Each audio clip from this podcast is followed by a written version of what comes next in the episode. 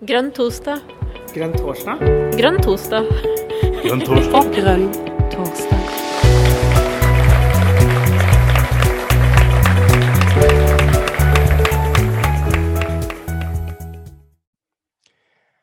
Hei, folkens, og velkommen til Grønn eh, torsdag. I dag så skal vi diskutere grønn politikk eh, under, og kanskje også etter eh, koronakrisen.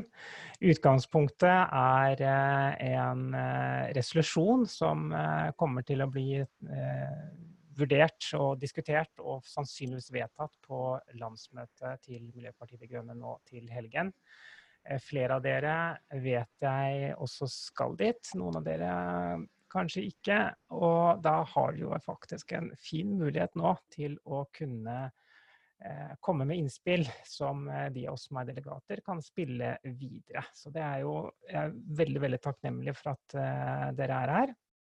Jeg ser at vi er over 20 stykker her inne, og det er ganske hyggelig på en torsdag kveld nå Eh, mens brakkesyka tar oss, at vi kan være her og se folk. Så de av dere som har på kamera, eh, gjør oss andre veldig lykkelige. Eh, men vi kan også forstå hvis det er noen som ønsker å holde seg bak en beskyttende maske. Men jeg har ikke hørt at korona smitter via kamera, så, så jeg tror det skal være trygt, bare så det er sagt. Greit. Eh, bakgrunnen for denne, denne, resolusjonen er jo selvsagt eh, koronakrisen. Og mm, det er jo et behov for å ha gode politiske tiltak. Eh, og vi har vel gode grunner til å mene at ikke alle de tiltakene som er innført, er tilstrekkelig gode nok. Og derfor har um, arbeidsutvalget Eh, foreslått eh, i, i, Miljøpartiet De Grønne foreslått en hasterevisjon om de grønnes prioriteringer i det, i det videre arbeidet med å takle pandemien.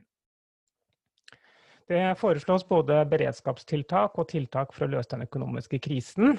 Um, I tillegg til å ta vare på menneskene som opplever økonomisk usikkerhet. Um, så står det også i resolusjonen om at vi må møte krisen med en økonomisk politikk som ruster oss for fremtiden og skaper trygge og bærekraftige jobber. Er det noen her som ikke er kjent med det som står i eh, resolusjonen?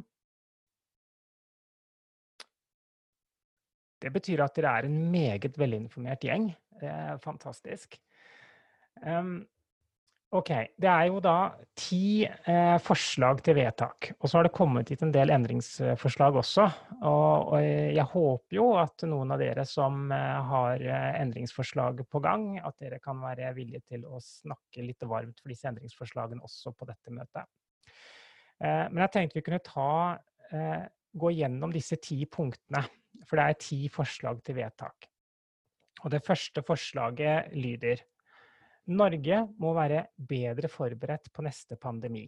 De Grønne ønsker at en granskningskommisjon evaluerer og anbefaler tiltak for å styrke beredskapen for neste pandemi.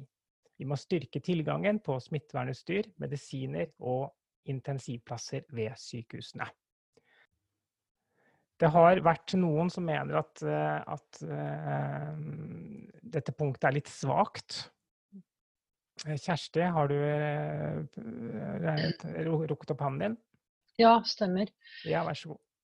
Uh, altså jeg har bare tenkt uh, hvis, hvis, hvis, jeg har registrert riktig, så har jo egentlig regjeringa varsla at de skal granske i etterkant. Så da har jeg liksom spurt meg sjøl litt om det blir liksom å slå inn åpne dører. da, At vi liksom begynner resolusjonen vår med å si at vi krever at det skal granskes.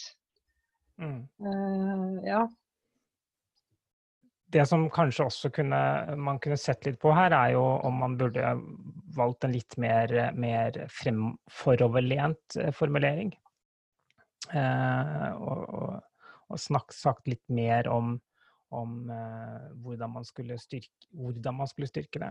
Um, det står jo lite grann at man må styrke tilgangen på smittevernutstyr, medisiner og intensivplasser ved sykehusene, men man sier jo veldig lite om at man har systematisk bygget ned antall akuttplasser de siste ja, 30-40 årene. Mm. Um, så dette her er jo er jo en, et resultat av en villet eh, sentralisering, effektiviseringspolitikk. Eh, det er jo det vi ser resultatet av. Men er det for radikalt å si det? Eller er det bare sannhet, liksom? Lillian? Jeg, jeg synes kanskje ikke det er for radikalt. Jeg tenker at eh, man kanskje må trå til litt grann, eh, og være litt konkret. da.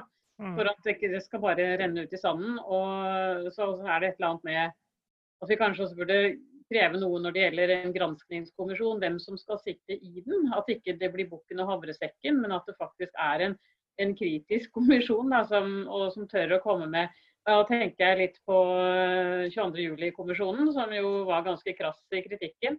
Eh, og at vi på en måte sørger for at de som sitter i den kommisjonen, ikke er eh, noen som er part i saken på den måten at det blir eh, ønskelig å, å, å dekke til ting. Da. Men at man faktisk kan snu og vende på ting som man virkelig ser, som du sier, også historikken i det hele. Det med sentralisering og nedbygging av akuttplasser f.eks. Sånn at det kommer tydelig fram at, det, at, det er en villet, at man kan si at det er en villet politikk. Da, eh, på den måten. Sånn at eh, man ansvarliggjør de som er ansvarlige.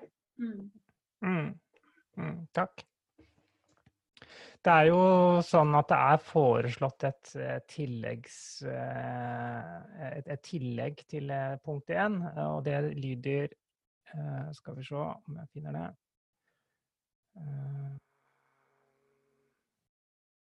herunder styrke forhåndslagring, logistikk og lokal produksjon av nødvendig utstyr og medisiner.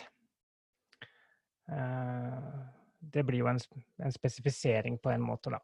Eh, mm. Nei, men godt. Vi går videre til, til punkt to. Eh, som er eh, litt mer spennende, og, og, her vet jeg jo at det er noen som har eh, meninger også. Ingen grupper skal falle gjennom det sosiale sikkerhetsnettet under krisen. Studenter som blir permittert fra jobben må sikres lik kompensasjon for tapt inntekt som andre arbeidstakere.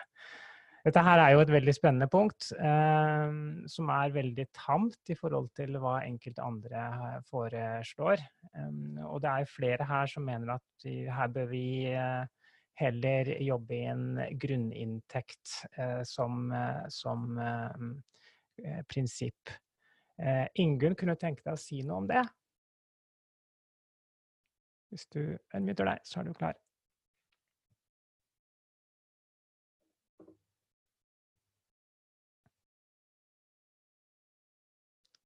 Skal vi se vi hører deg ikke, Ingunn, så vi trenger at du skrur på mikrofonen din.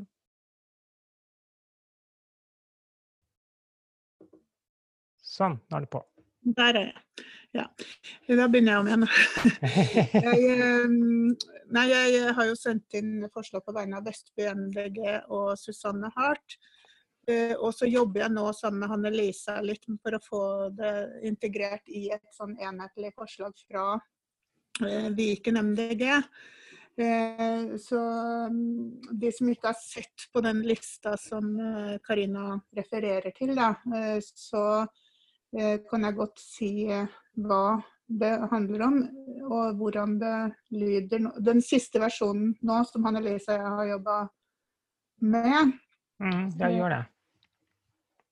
Og da er jo bakgrunnen at uh, den setningen, sånn som den står fra før, så høres det liksom ut som at det sosiale sikkerhetsnettet var OK, og så kommer koronakrisa, og så er det noen som får pro problem pga. krisa. Så det er veldig viktig at vi anerkjenner at det faktisk har levd uh, mellom 700 800 000 mennesker i Norge under fattigdomsgrensa før koronakrisa kom. Og de som har minst fra før, rammes jo hardest. Og sånn er det jo alle kriser. Men så kan man jo ikke skrive lange avhandlinger i en resolusjon. Så da har vi bare korta det ned til å um, lyde noe sånn som det her. At uh, for å sikre en mer rettferdig fordeling av goder og byrder under krisen, og sikre at ingen faller gjennom et sosialt sikkerhetsnett, vil De Grønne innføre en midlertidig grunninntekt. Alle over 18 år bør få en månedlig utbetaling for å komme over fattigdomsgrensen. Beløpet kan samordnes med lønn og andre ytelser som dagpenger, sosialstøtte og stipend, slik at ingen får lavere inntekt enn før og skatter progressivt. Det vil derfor lønne seg å jobbe for alle som kan, og alle sikres minst 2G etter skatt. Eh, så det er forslaget. Da. Det er veldig, så det er ganske konkret, men vi eh, tenkte at det kanskje ikke var nødvendig å ha sånne tall om det er akkurat 18 eller 19 eller 20 000 i måneden. At ikke det trenger å stå det i selve resolusjonen. At det eh, bare risikerer at det blir liksom det som er tema, akkurat mm. beløpet. Mens eh, at det er kanskje det. 2G det, er, det refererer til 2G grunn i folketrygden, så det vil si ca. 200 000. Så det mener jeg at det må være Såpass må det være i løpet av året, men eh, den nøyaktige summen er Det blir litt kronglete i resolusjonen, da. Mm. Mm. Enig i det. Det er jo et spenstig forslag. Jeg vet jo du har snakket ganske varmt om, eh, om uh, grunnlønn uh, tidligere også, så det er, det er, jo fint at du finner en anledning til å prøve å innføre det på, fra sidelinja. um, Siriana, du har ordet. Ja, tusen takk. Det er jo et veldig eh, spennende forslag.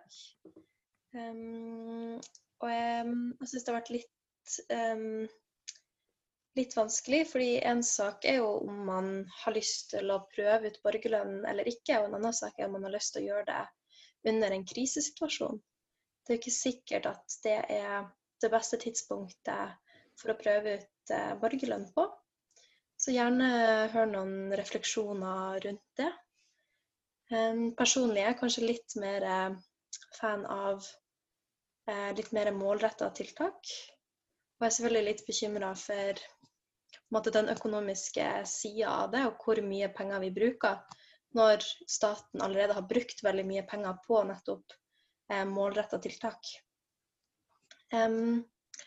Og som eh, medlem av Grønne studenter sitt arbeidsutvalg, så er jo litt Eller syns det er litt synd da at man ikke får med det fokuset på studentene sin situasjon. Og det hadde vært veldig fint hvis MDG kunne ha vedtatt noe på det. Eh, sånn at, for det er jo kanskje ikke realistisk at vi får innført borgerlønn, så det er likevel fint å ha noe politikk som sier noe om hvordan, måte, hva vil vi når vi ikke får innført borgerlønn, da? Eh, hvordan politikk er det da vi vil spille inn og på en måte forhandle om med de andre politiske partiene? Mm. Ønsker du å kommentere, Ingunn? Ja, gjerne. Ehm, det første til det med krise eller ikke krise, da, så er det veldig mange tiltak som nå settes i verk, og som, som, er mye mer kostnadskrevende, men som ikke sikrer de fattigste i samfunnet. Så det at det går såpass mye penger til eh, næringslivet som det gjør, det trygger faktisk ikke de som har det aller dårligst i samfunnet. Da. Så det er det som er, og Dette her er jo ikke noe jeg spiller inn fra sidelinja. Dette her er jo noe som er programfesta i MDG, og som har vært det i tiår. Så dette her er på ingen måte noe sånn eh, enestående anledning. Det er jo noe som kommuniseres Jeg tror kanskje det er det mest aktive temaet på, som går igjen gang på gang på MDG, frivillige og ressurspersoner.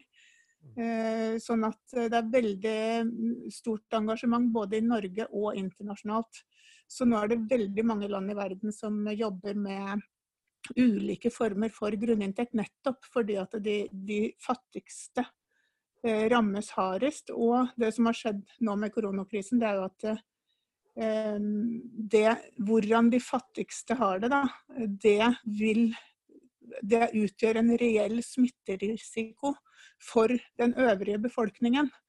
Så det er en veldig sånn spesiell eh, sånn uh, tipping point da, for å tenke rettferdighet for, um, for vanskeligstilte i samfunnet. At uh, koronakrisen faktisk medfører en økt bevissthet om faren ved at mange lever i dårlige forhold som gjør at eh, de faktisk ikke kan beskytte seg mot f.eks. koronakrisen. Men er, for dem er det jo en vanlig tilstand gjennom livet. Da. At man kommer på den ene krisen etter den andre og har veldig få utveier. Så dette er en måte å bygge en trygghet i samfunnet som har vært diskutert i veldig mange tiår, faktisk flere hundre år, siden den første ideologene tenkte, mente at det med å sikre befolkningen en minimumsinntekt, at det er veien til trygghet for hele samfunnet. Da. Så Derfor er det veldig gode grunner til å, å gjøre det akkurat i krisesituasjonen. og, og, og, få at det øker sjansen til å få gjennomslag. Og det skjer nå, f.eks. Spania har innført en slags grunninntekt. Den er nok lavere enn det vi antyder i Norge, men der, der er jo også fattigdomsgrensen mye lavere. Da. Og så til det med studenter, så er det akkurat det som pågår nå. Det er jo den ene pakken etter den andre til eksplisitte grupper.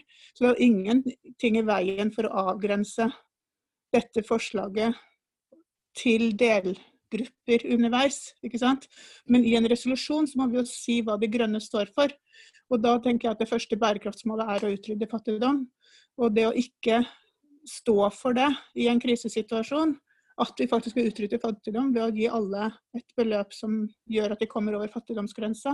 Og det er veldig spesielt. og at, um, at det er faktisk ikke dyrere enn en de hullene som er i det sosiale sikkerhetsnettet.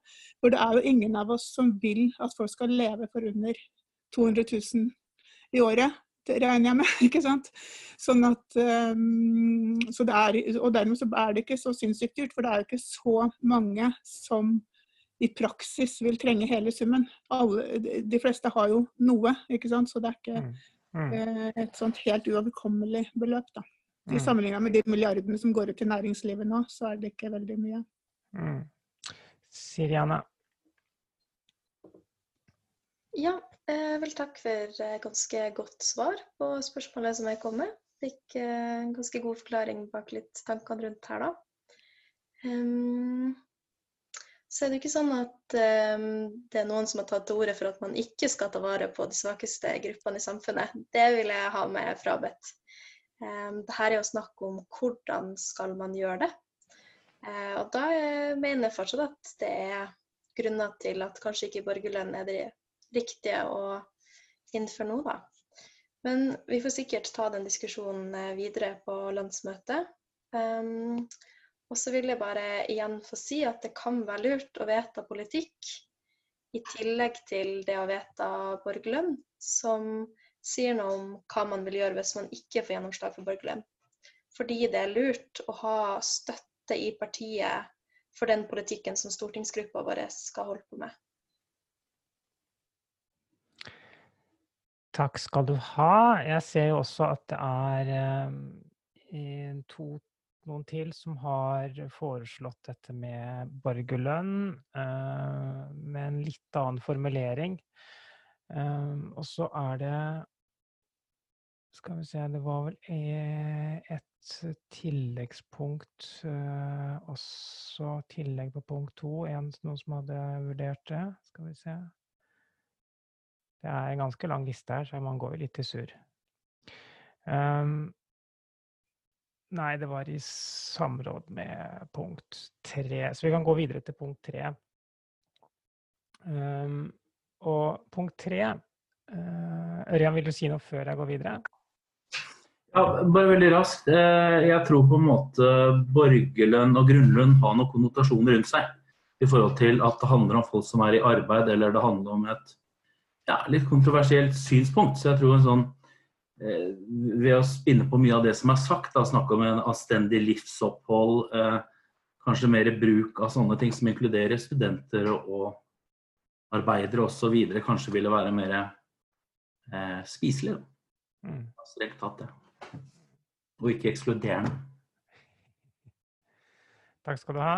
Eh, punkt tre eh, er jo et, eh, også et spennende punkt. Eh, krisene kan skape økte forskjeller i Norge. For å sikre rettferdig fordeling av goder og byrder under krisen, vil De Grønne innføre en midlertidig koronaskatt på 5% på den delen av inntektene som er over 700 000 kroner. Dette er jo en sak som allerede er eh, lekket til media, eh, så den har allerede fått noen overskrifter. noen mener jo at denne dette punktet bare bør strykes, rett og slett fordi eh, det vil eh, overdøve alle de andre fine punktene som vi vedtar. Ørjan, vær så god, du har ordet. Litt med forbehold om at jeg ikke har skjønt tegninga, komma. Eh, så, så, er det liksom um, ja, sånn, Jonas Gahr Støre og Ap gjorde jo dette forrige stortingsvalg. Dette med skatteøkning for altså Litt sånn stygt i etterkant for skatteøkningens del eller for utjevningens del. Um, hvis det ikke ligger realpolitikk eller et politisk prosjekt en retning bak det. Kun en um, gode ønsker at det er um, riktig, så, så, så, forstår jeg det ikke. Uh, for, det, for meg, det forslaget der, det er et oppspill til noe som skal komme. Om det er um, om det er dette vi snakket om i sted, dette med, med f.eks. dette med livsopphold, om det handler om rammebetingelser for grønne næringer, hva enn det handler om, det må følge en halvsetning etter deg, tenker jeg. Hvis mm. ikke så er det SV. Mm. Det kan det gjerne være.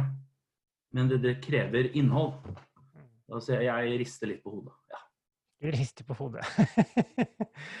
Eh, ja, nå fant jeg faktisk også det tilleggspunktet på punkt to. Eh, det er Agder-delegasjon. Er det noen fra Agder her eh, nå?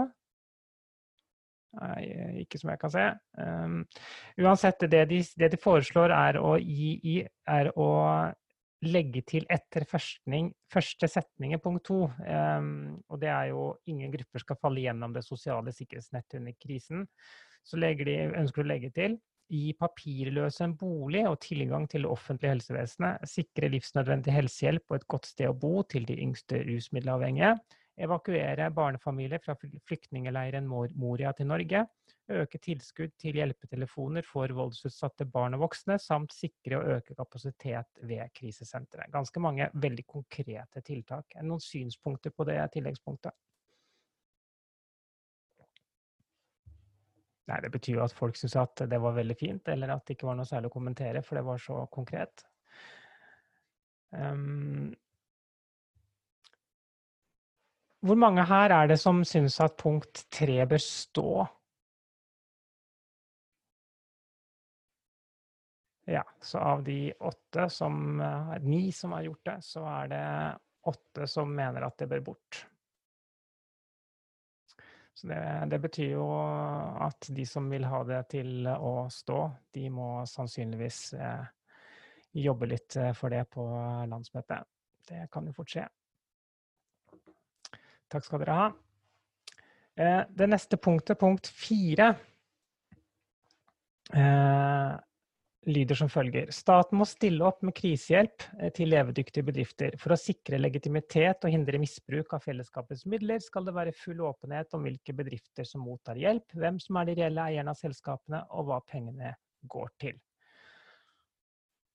Her regner jeg også med at det er noen som vil si noe, for her er det også gjort eh, noen forslag. Agders delegasjon har jo ønsket et tillegg her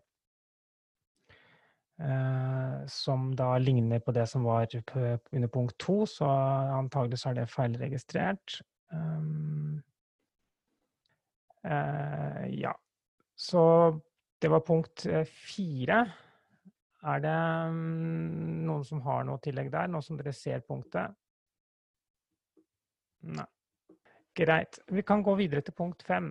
Eh, norsk økonomi må restartes og omstilles. Staten må stille store midler til rådighet for å sikre trygge grønne jobber. De Grønne vil ha en aktiv grønn næringspolitikk med storsatsing på havvind, elektrifisering av kysten, mer norsk videreforedling eh, av naturressurser, bedre vedlikehold og klimatilpasning av infrastruktur.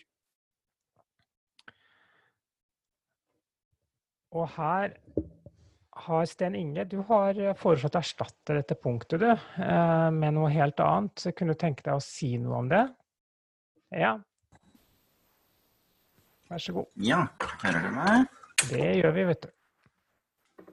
Jo, eh, det var, det var tre forhold som har gjort at jeg har lyst til å, at den endres. Det ene er jo at forholdet norsk økonomi må restartes og omstilles Norge i global sammenheng er jo veldig lite eh, eh, Ja. har fått lite konflikter og, problemer i forhold til andre økonomier, andre lands økonomier. Det, det, det er jo det ene. Det andre er jo at ønsker virkelig Miljøpartiet De Grønne å pøse inn midler inn i eh, samfunnet for å eh, få opp forbruket, for å komme tilbake til kanskje det vi hadde av eh, overforbruk og, og, og, neds, og, og bruke opp jordas ressurser. F.eks. i Nederland, i Amsterdam, så har man jo faktisk vedtatt at man ønsker ikke å gjøre det. Eh, i, i eh, Dagbladet var det vel, så skrev man faktisk at, at man eh, ønsket heller å, å moderere seg og, og, få en vekst som er i henhold til, til det som er bærekraftig. Det tredje punktet til at jeg ønsket å skrive en ny tekst, var at samtlige partier på Stortinget har faktisk skrevet akkurat det samme. Og derfor ønsket å utdype dette noe mer. Og, og, være veldig konkret på hva er det egentlig Miljøpartiet ønsker eh, skal satses på hvis, hvis man nå skal bruke midler for å komme inn i eh, normal gjeng igjen. Så koronakrisen er en, en uh, tragedie, men det er også en mulighet til å få et, et mer normalt forbruk og mer fornuftig forhold i forhold til hva som er jordas mål for Eller grenser for forbruk.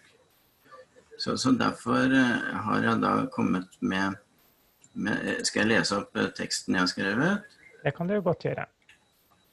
Skal vi se. Eh, det er altså at norsk økonomi vil bli svekket. Det vil komme mange konkurser, og mange arbeidsplasser vil bli bedre.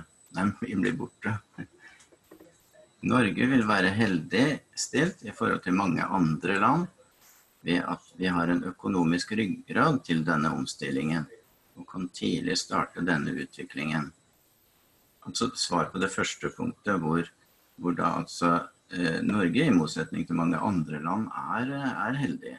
Vi, vi, har ikke de store problemene som f.eks. u-land vil komme borti. Så, så derfor eh, denne, de, disse to setningene. Videre er at eh, staten allerede nå må legge til rette for å utvikle et næringsliv som baserer seg på bærekraftige og grønne verdier gjennom økonomisk støtte forskning, utdanning og stille risikovillig kapital. Altså ikke bare pøse ut penger, men, men, at det baserer seg på en bærekraftig eh, verdi.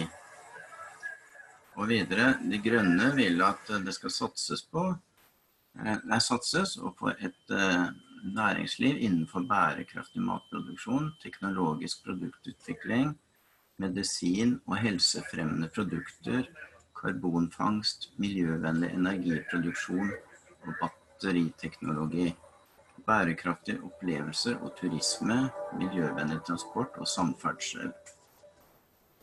Der har jeg rett og slett lagd en, en, punktliste for hva som jeg, ut ifra det jeg har lært så langt, er, er noe som Norge kan, kan gå kan drive med fremover. Og samtidig uten at det går for mye på bekostning av, eh, av ressursene i jorda. Mm.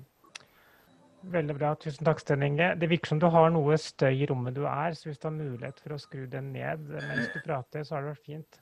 Ja, jeg har en familie som driver og ser på TV. Vi... Ah, jeg skjønner. Men vi mm. gir ordet til Siriana, så muter jeg deg imens. Tusen takk skal du ha. Vær så god, Sirene. Takk skal du ha. Altså, I fare for å eh, virke veldig negativ og gretten, eh, som jeg stort sett egentlig gjør hele tida Eh, så, altså jeg er ikke noen fan av språken i dette forslaget. Og jeg henstiller forslagsstiller om å ta en språkvask før landsmøtet og sende inn et, et, revidert eh, forslag. For det er noen grammatiske feil her som bør rettes opp hvis dette skal vedtas. Så det, det, er litt strengt. Men det gjør det også enklere å få med seg hva som er intensjonen i forslaget. Og så syns jeg at dette, dette forslaget er mindre konkret enn teksten som står i resolusjonen nå. Um, at det står at man skal satse på havvind, ikke bare fornybar um, energi. Uh, og jeg vil gjerne ha en litt sånn utdyping og forklaring på en del av de punktene. For det er punkt her som jeg ser kan være veldig problematisk, sånn som batteriteknologi, når det ikke sies noe mer om hva som er bærekraftig og hvor grensene går. Er det greit å smekke opp en masse vindmøller på Sjonfjellet for å bygge eh, batterifabrikk? Det er det ikke nødvendigvis. Eh, og fordi forslaget er på en måte såpass lite konkret, så risikerer man å ikke få gjort de avgrensningene. Takk. Tusen takk, Siriana. Ønsker du å svare, Sten Inge, så skal du selvsagt få lov til det. Da er eh, du på. Vær så god. Sånn. Nå er det litt lettere å høre meg, kanskje. Eh, batteriteknologi, for å ta det først, så, så, er ikke det tenkt på havvind eller eh, vindkraft i det hele tatt. Det er, det er faktisk eh, Norge er langt fremme når det gjelder å å lage mye bedre eh, batterier med høyere effektutnyttelse.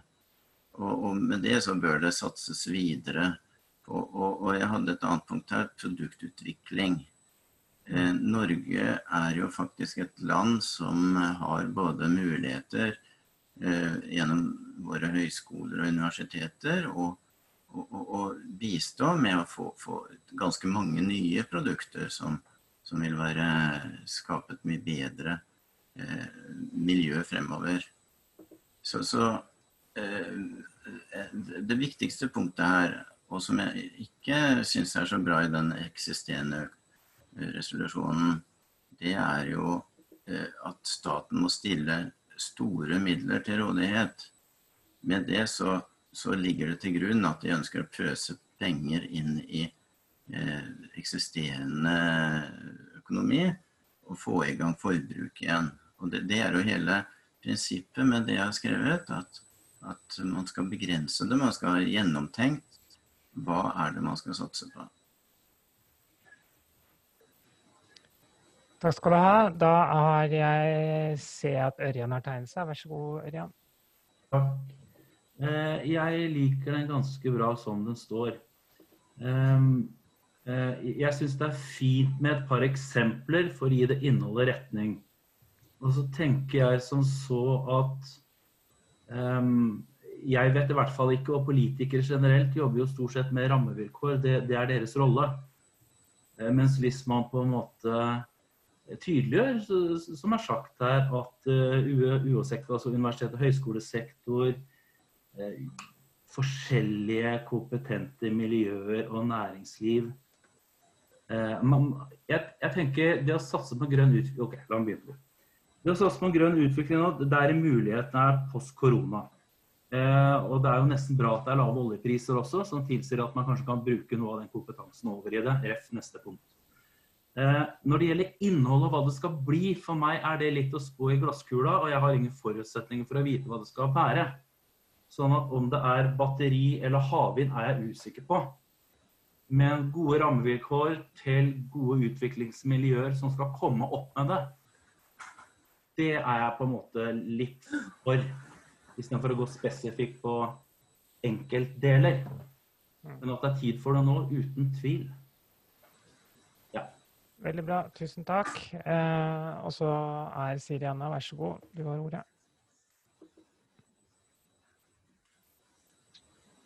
Ja, takk.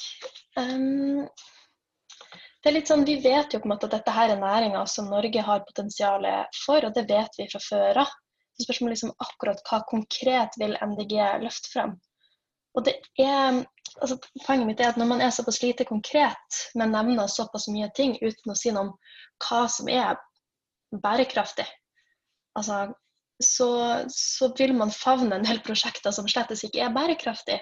Og jeg prater om vindkraft fordi at for å produsere batterier, så trenger du enormt med energi. Og hvordan får du det? Jo, ofte ved å sette opp vind, eh, altså vindkraftverk, sånn som vi skal gjøre i mitt fylke i Nordland. Og det har ikke jeg lyst til å være utelukka positivt til. Og det er noe med de nyansene her som, som man mister. Jeg synes ikke at det dermed blir begrensa gjennomtenkte forslag som kommet, men jeg synes at det som står i sakspapirene er det. Og første setning der er at norsk økonomi må restartes og omstilles. Da sier man svært tydelig at man skal omstille over til eh, en grønnere retning. Og ved å fjerne hele punkt fem, så mister vi eh, en del gode ting, sånn som klimatilpasning av infrastruktur, mer enn norsk videreforedling av naturressurser, som jeg syns er viktige prinsipper. Mm. Da vet jeg ikke om det er Rena eller Kristian, eller om det er begge to. Eh, men dere har nå ord, i hvert fall. Jo, takk. Vi sitter her sammen, men uh, akkurat nå var det meg. Kristian uh, heter jeg. Jeg oppfatter at Stein Inge har, jo flere poenger, så i hvert fall to, tror jeg. Det, men det, eneste, det ene jo, som jeg har snakket litt om nå, er jo alle hvilke konkrete ting vi skal peke på. Men det andre er jo dette med um, om, staten skal stille store midler til rådighet.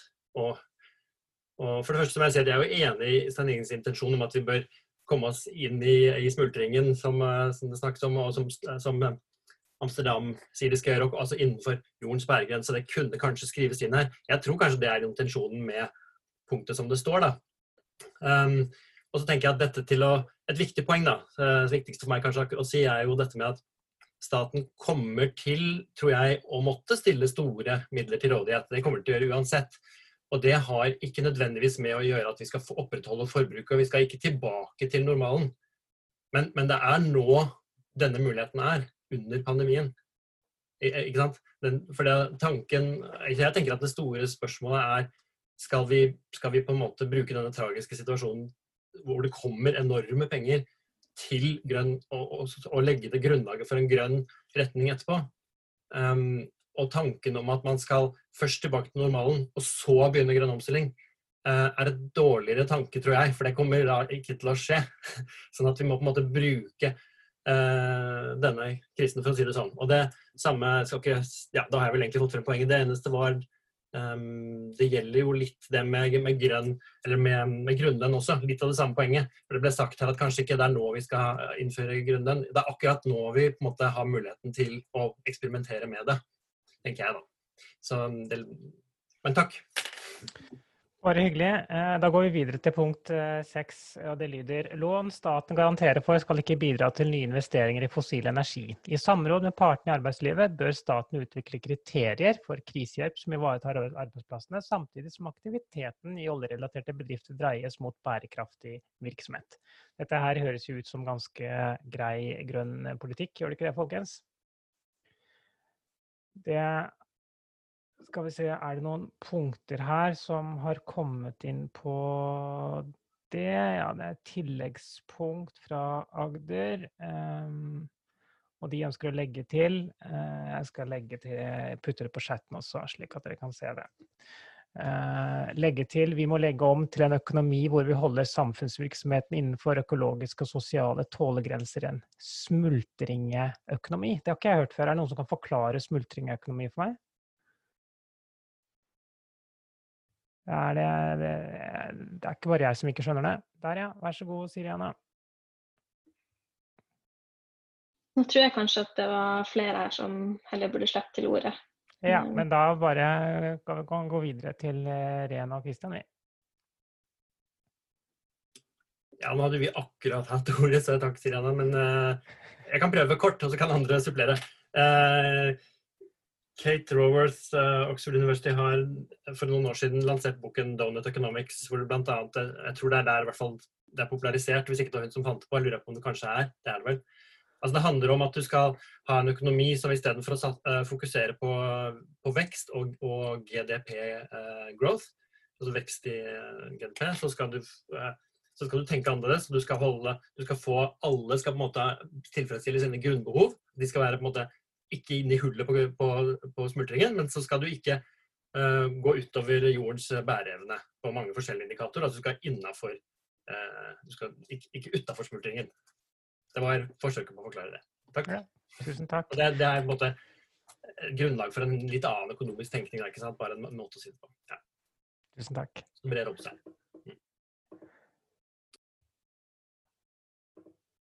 Har du noe du vil legge til, Ingunn? Ja, det var kjempegodt forklart.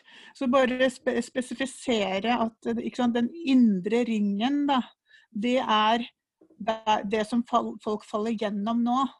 Så den indre ringen vil f.eks. være grunninntekt, og den ytre ringen er jordas tålegrense. Sånn at, uh, så det å begynne å kalle det for smultring, og kanskje hjelpe flere å forstå det begrepet, det kan være til stor hjelp. Og det er akkurat det hun, uh, borgermesteren i Amsterdam har, har, altså de har vedtatt det i Amsterdam nå, å slutte med vekstfilosofien og gå over til denne smultringfilosofien, som ikke innebærer fortsatt økonomisk vekst. Så utrolig spennende og viktig tema for um, grønn uh, politikk. Da. Så det kan vi sikkert ha et eget møte om en gang. Ja, jeg vil gjerne lære meg mer om smultringøkonomi, skjønner jeg. Eh, Siriana? Støtter absolutt å ha, en, uh, ha et eget møte om smultringøkonomi. Eh, og teoriene til Keith Raworth. Veldig spennende bok som jeg hadde på pensum eh, i høst. Um, og Kate Robert tar jo på en måte til orde for en regenerativ og distributiv eh, økonomi. Som, som, handler om ganske mye mer eh, i forhold til hvordan verdi sirkulerer i samfunnet, og hvordan også økonomien og samfunnet kan gi tilbake til naturen, og til og med være positiv. Det, men det er på en måte det er ikke en helhetlig alternativ økonomisk teori, men, men, boka 'Donut Economics', eller 'Smultring i økonomi', tar for seg en del store ideer og prøver å bytte ut sånne klassiske økonomiske ideer. Og er liksom en litt sånn sammensurium av masse ulik økonomisk teori. Så det er kanskje det som er utfordrende med å skal, skal på en måte bruke begrepet 'donut economics', at det ikke nødvendigvis er helt sikkert hva det refererer til. at det kan være liksom blanding. Det kunne vært interessant å ha diskusjon på det, siden Amsterdam da har valgt å bruke begrepet. Er det forståelig for folk? Er det presist nok? Burde vi heller ha sagt noe om de prinsippene som ligger under Donut Economic? Ja, jeg, jeg, kan jo raskt kommentere på det, siden jeg åpenbart ikke skjønte det smultringøkonomi. Så, så betyr det jo at, at, eh, det trenger en forklaring, i det minste. Eh, hvis det skal stå igjen en noe vi sier, sier utad. Eh, men, men, i en resolusjon så kan det jo for så vidt fungere så lenge de som skal fremme resolusjonen er i stand til å forklare det. Så det regner jeg jo med at de da vil være. I hvert fall vil de sørge for at de blir i stand til å gjøre det. Spørsmålet er, om, er jo om, om vi kan få en slik formulering igjennom hvis det er ikke mange nok som kan det. Eh, og det tenker jeg også er et, et eh, poeng, da. Um, ja, det er noen andre justeringer som er foreslått på punkt 6 også. Er det noen som ønsker å fremme det? Hvis ikke så går vi bare videre. Um, fordi eh, vi har en klokke som tikker og går her også. Punkt 7 er jo et spennende punkt. Og det er at um, norsk eh, matsikkerhet må styrkes. Beredskapslaget for korn må reetableres. Vi vil stanse sentralisering av landbruket og sikre lønnsomhet i produksjon av frukt, grønt, korn og belgfrukter. Norsk matproduksjon må sikres god tilgang på arbeidskraft gjennom konkurransedyktige og rettferdige lønn- og arbeidsvilkår. Er det flere enn meg som savner ordet kjøtt oppi dette her, eller er det, er det helt greit at det er sånn vegansk eh, beredskap vi snakker om? Kjersti? Jeg savner kjøtt. Eh, jeg har jo noen dager nå Jeg er jo i Viken sin delegasjon. Jeg har jo noen dager jobba med et uh, endringsforslag som jeg kommer til å sende inn, uh, og som jeg har fått en god del støtte for i, i Viken. siden det nå er noen her som ikke er i, i Viken, så skal jeg bare gjøre rede for det fort nå. Det er da Teksten er helt identisk, bortsett fra i den setningen som handler om frukt, grønt, korn og begfrukter. Så har jeg lagt til i forslaget og egg, melk og kjøtt basert på norsk fôr og beiteressurser og god dyrevelferd. Og det er jo fordi jeg mener at uh, på mange måter altså norsk eh, kjøttproduksjon som er basert nettopp på det, da, på norsk fôr, ikke importert soya fra Brasil som ødelegger regnskogen osv. Det, det er ikke det store problemet. Og jeg tenker nå når vi også skal jobbe veldig aktivt med distriktspolitikken vår, så er det også et veldig godt distriktspolitisk uh, utspill som uh, det er jo ikke noen ulempe at det kan gi oss litt goodwill for å få flere stemmer på bygdene f.eks ta gjerne innspill. Tusen takk, eh, Kjersti. Det var eh, vakkert eh, formulert. Jeg ser at Ingunn også har satt på en liten hake her, en liten yes, så hun er veldig fornøyd med det du sa. Så det er veldig hyggelig. Anne, du har bedt om ordet. Da Sånn. Hører dere meg? Nå hører vi deg. Ja. Jeg er veldig enig med Kjersti. Det går ikke an å bare ha et helt vegansk eh, forslag dette her. Jeg syns uh, teksten for øvrig er aldeles utmerket. Men hvis man stiller bare dette her, så uh, stiller man ute en hel masse mennesker som er bønder. Bl.a. i mitt fylke Innlandet og min bygd, som driver med, med landbruk i, i fjellbane, Og det er, er det kjøttproduksjon vi driver med. Jeg merket meg jeg satt og lyttet med alle øra jeg har, pluss de to øreapparatene. Den teksten du hadde, Kjersti, den eh, lurer på om det var mulig å få opp den eh, i chatten, for den syns jeg var veldig god. Eh, MDG kommer til å velge eh, Jeg er eh, kommunestyrerepresentant, og jeg jobber hardt for å få bøndene her til å skjønne at MDG har en knallbra landbrukspolitikk bedre enn Senterpartiet. Og Det går ikke an med en sånn resolusjon som det er, altså. Det kan ikke være en helt ren vegansk resolusjon. Det går ikke. Så Kjersti, det var et uh, en balansert, tydelig, grei, klar tillegg. Den syns jeg må med. Jeg vet jo allerede nå at det er ganske mange i Viken-delegasjonen som kommer til å støtte forslaget, i hvert fall. Eh, ut fra den interne diskusjonen som har vært i Viken. Eh, Marte, du eh, kan få ordet.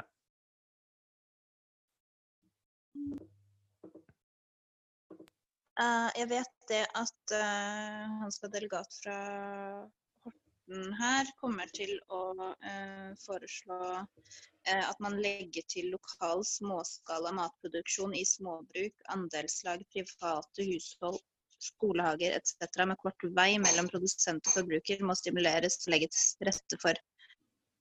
Sånn at man også liksom fremmer mindre skala produksjon, ikke nødvendigvis eh, bare stor skala. Da. Mm. Det er jo et tilleggsforslag som står på egne ben. Det er eh, nydelig. Så eh, det ser jeg frem til. Um, kjøtt må med, sier Anja. Det er, eh, det er vi helt enig med deg i. Hvis vi går neste til, til, til, neste punkt, så er det Punkt åtte, kampen mot antibiotikaresistens må trappes opp for å redusere dødeligheten i epidemier. Norge må ta initiativ til en internasjonal bindende avtale for redusert antibiotikabruk, som inkluderer sanksjoner mot land som ikke overholder avtalen. Ja, hvordan skal vi gjøre det, da? Eh, skal vi slutte å importere mat som var basert på høy, eh, mye bruk av antibiotika? Er det sånn å forstå? Er det, nikkes det bekreftende? Um, er vel ikke så mye mer å kommentere på det. Torbjørn skriver her i, sin, uh, i chatten her at en skal redusere dødelighet i epidemier ved ensidig å ha fokus på AB-resistens er spekulativt. Um, og så Ja, nettopp. Uh, multiresistens er en pandemi i seg selv og må i høyeste grad tas på alvor, men vi vet ennå ikke i hvilken grad koronadødsfall skyldes sekundære infeksjoner med multiresistente bakterier, men noe er det grunn til å tro. Det er for så vidt riktig. Man uh, har jo sett en høyere dødelighet i land hvor man har mye multiresistente bakterier. Uh, så det er jo noe som en granskning kanskje kan finne ut av. Det kan vi jo se frem til å få mer fakta på bordet på. Vi går videre til neste punkt, punkt ni. Verdens helseorganisasjon må gis mer ressurser til å samordne kampen mot pandemier og lignende globale trusler mot liv og helse, inkludert å etablere et globalt beredskapslager av helseutstyr for å redusere risikoen for konflikter når kriser oppstår. Og her har vi jo sett at det har vært litt problematisk å få tak i helseutstyr. Vi har jo de fleste kommuner har vel det, de trenger av smittevernutstyr på kort, over et kort tidsrom, men de har jo ikke noe stort lager. Så de må jo være ganske forsiktige med hvordan de forbruker smittevernutstyret sitt. Um, noe jeg også har bitt meg merke til, er jo at vi produserer jo faktisk også mindre medisiner i Norge nå i dag enn det vi gjorde før. Vi hadde flere farmasiprodusenter i Norge tidligere. Noen som har noen tanker rundt det? Fortsatt ikke noe visir oppi der du bor, Anne? På Avdal?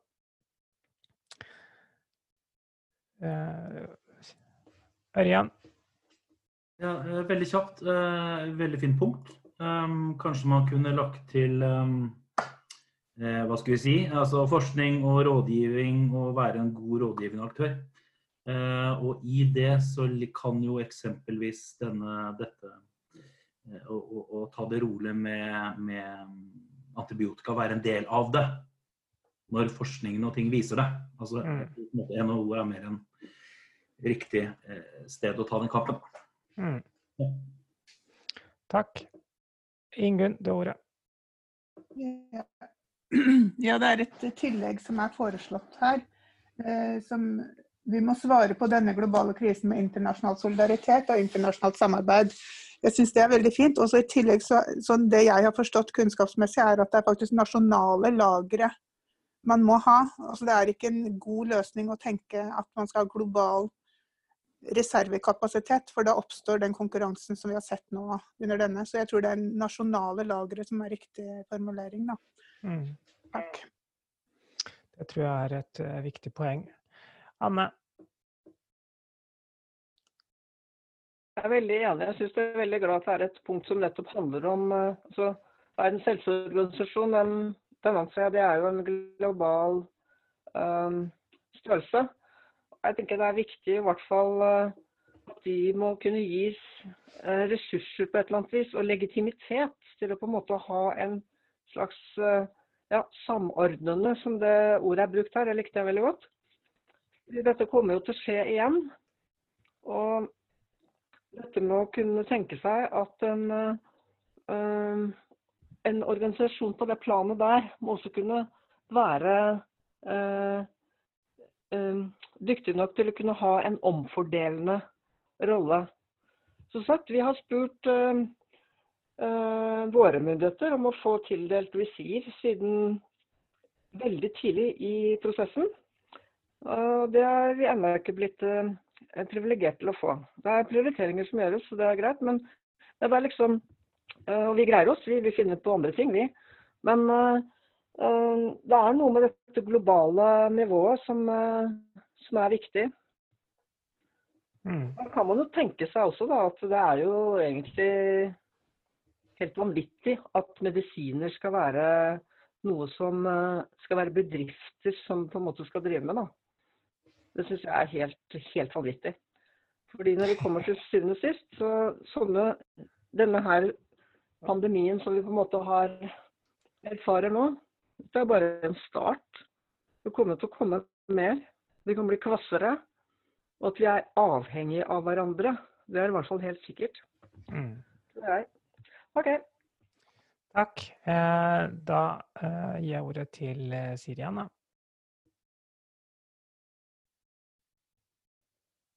Ja, um, jeg er veldig, veldig enig i at man skal vise internasjonal solidaritet i denne krisa. Men det er jo òg et tankekors at når vi har ei krise, så ser vi at på en måte denne globaliserte økonomien som vi har, ikke funker helt. Eh, at land plutselig stenger seg av og ikke vil handle og ikke vil sende smitteutstyr. Og det er jo et, et tankekors. Så enig i det her med at man skal styrke eh, Verdens helseorganisasjon sin rolle, men fortsatt ha nasjonale beredskapslager. Jeg syns også det å diskutere um, um, produksjon av medisin er spennende. Så jeg vil bare komme med på en måte ett innspill der. er jo at Det går jo veldig mye offentlige midler ofte inn i, i forskning til medisiner. Men det er som regel private selskaper som eier den medisinen som utvikles ved hjelp av offentlige midler og som tjener på det. Og det er spørsmålet å stille, spørre om det er riktig, om man ønsker på en måte skal ses på som en slags fellesskapsressurs, da, eller at staten bør ha en slags eierskapsandel i disse medisinfirmaene. Mm. Takk. Så så jeg Sten Inge eh, tok ned hånden sin igjen. Eh, så da går vi videre til det siste punktet, eh, som jo er et demokratipunkt. Eh, grunnloven og menneskerettighetene skal ligge til grunn selv i kriser. Demokratiet vårt og våre folkevalgte organer skal fortsette å fungere gjennom pandemien. Fullmakter og ekstraordinære tiltak som går på bekostning av demokratiske prinsipper bør, bør unngås og alltid være godt begrunnet, ha kort varighet og begrenset omfang. Um, ja, vi skjønner hvorfor dette punktet er her. Um, er det noen som har noen kommentarer på det? Det er, gjort, noen, det er noen mindre endringsforslag som er foreslått. Eh, men så har vi, har vi noen eh, nye punkt som er foreslått her. Eh, og det er flere som har foreslått et nytt punkt 11. og noen har foreslått et nytt punkt mellom punkt 3 og 4. hvis vi tar det nye punktet mellom 3 og 4 først Jeg legger det inn i chatten så dere kan se det. Skal vi se så er det at staten må gi direkte overføring til kommunene i samme størrelsesorden som inntektstap, utgiftsøkning, har vært, her har vært for å avhjelpe på den svært utfordrende økonomiske situasjonen kommunene befinner seg i. Det er da foreslått mellom punkt tre og punkt fire, da. Um, et forslag til nytt punkt 11, som da går på permitteringer.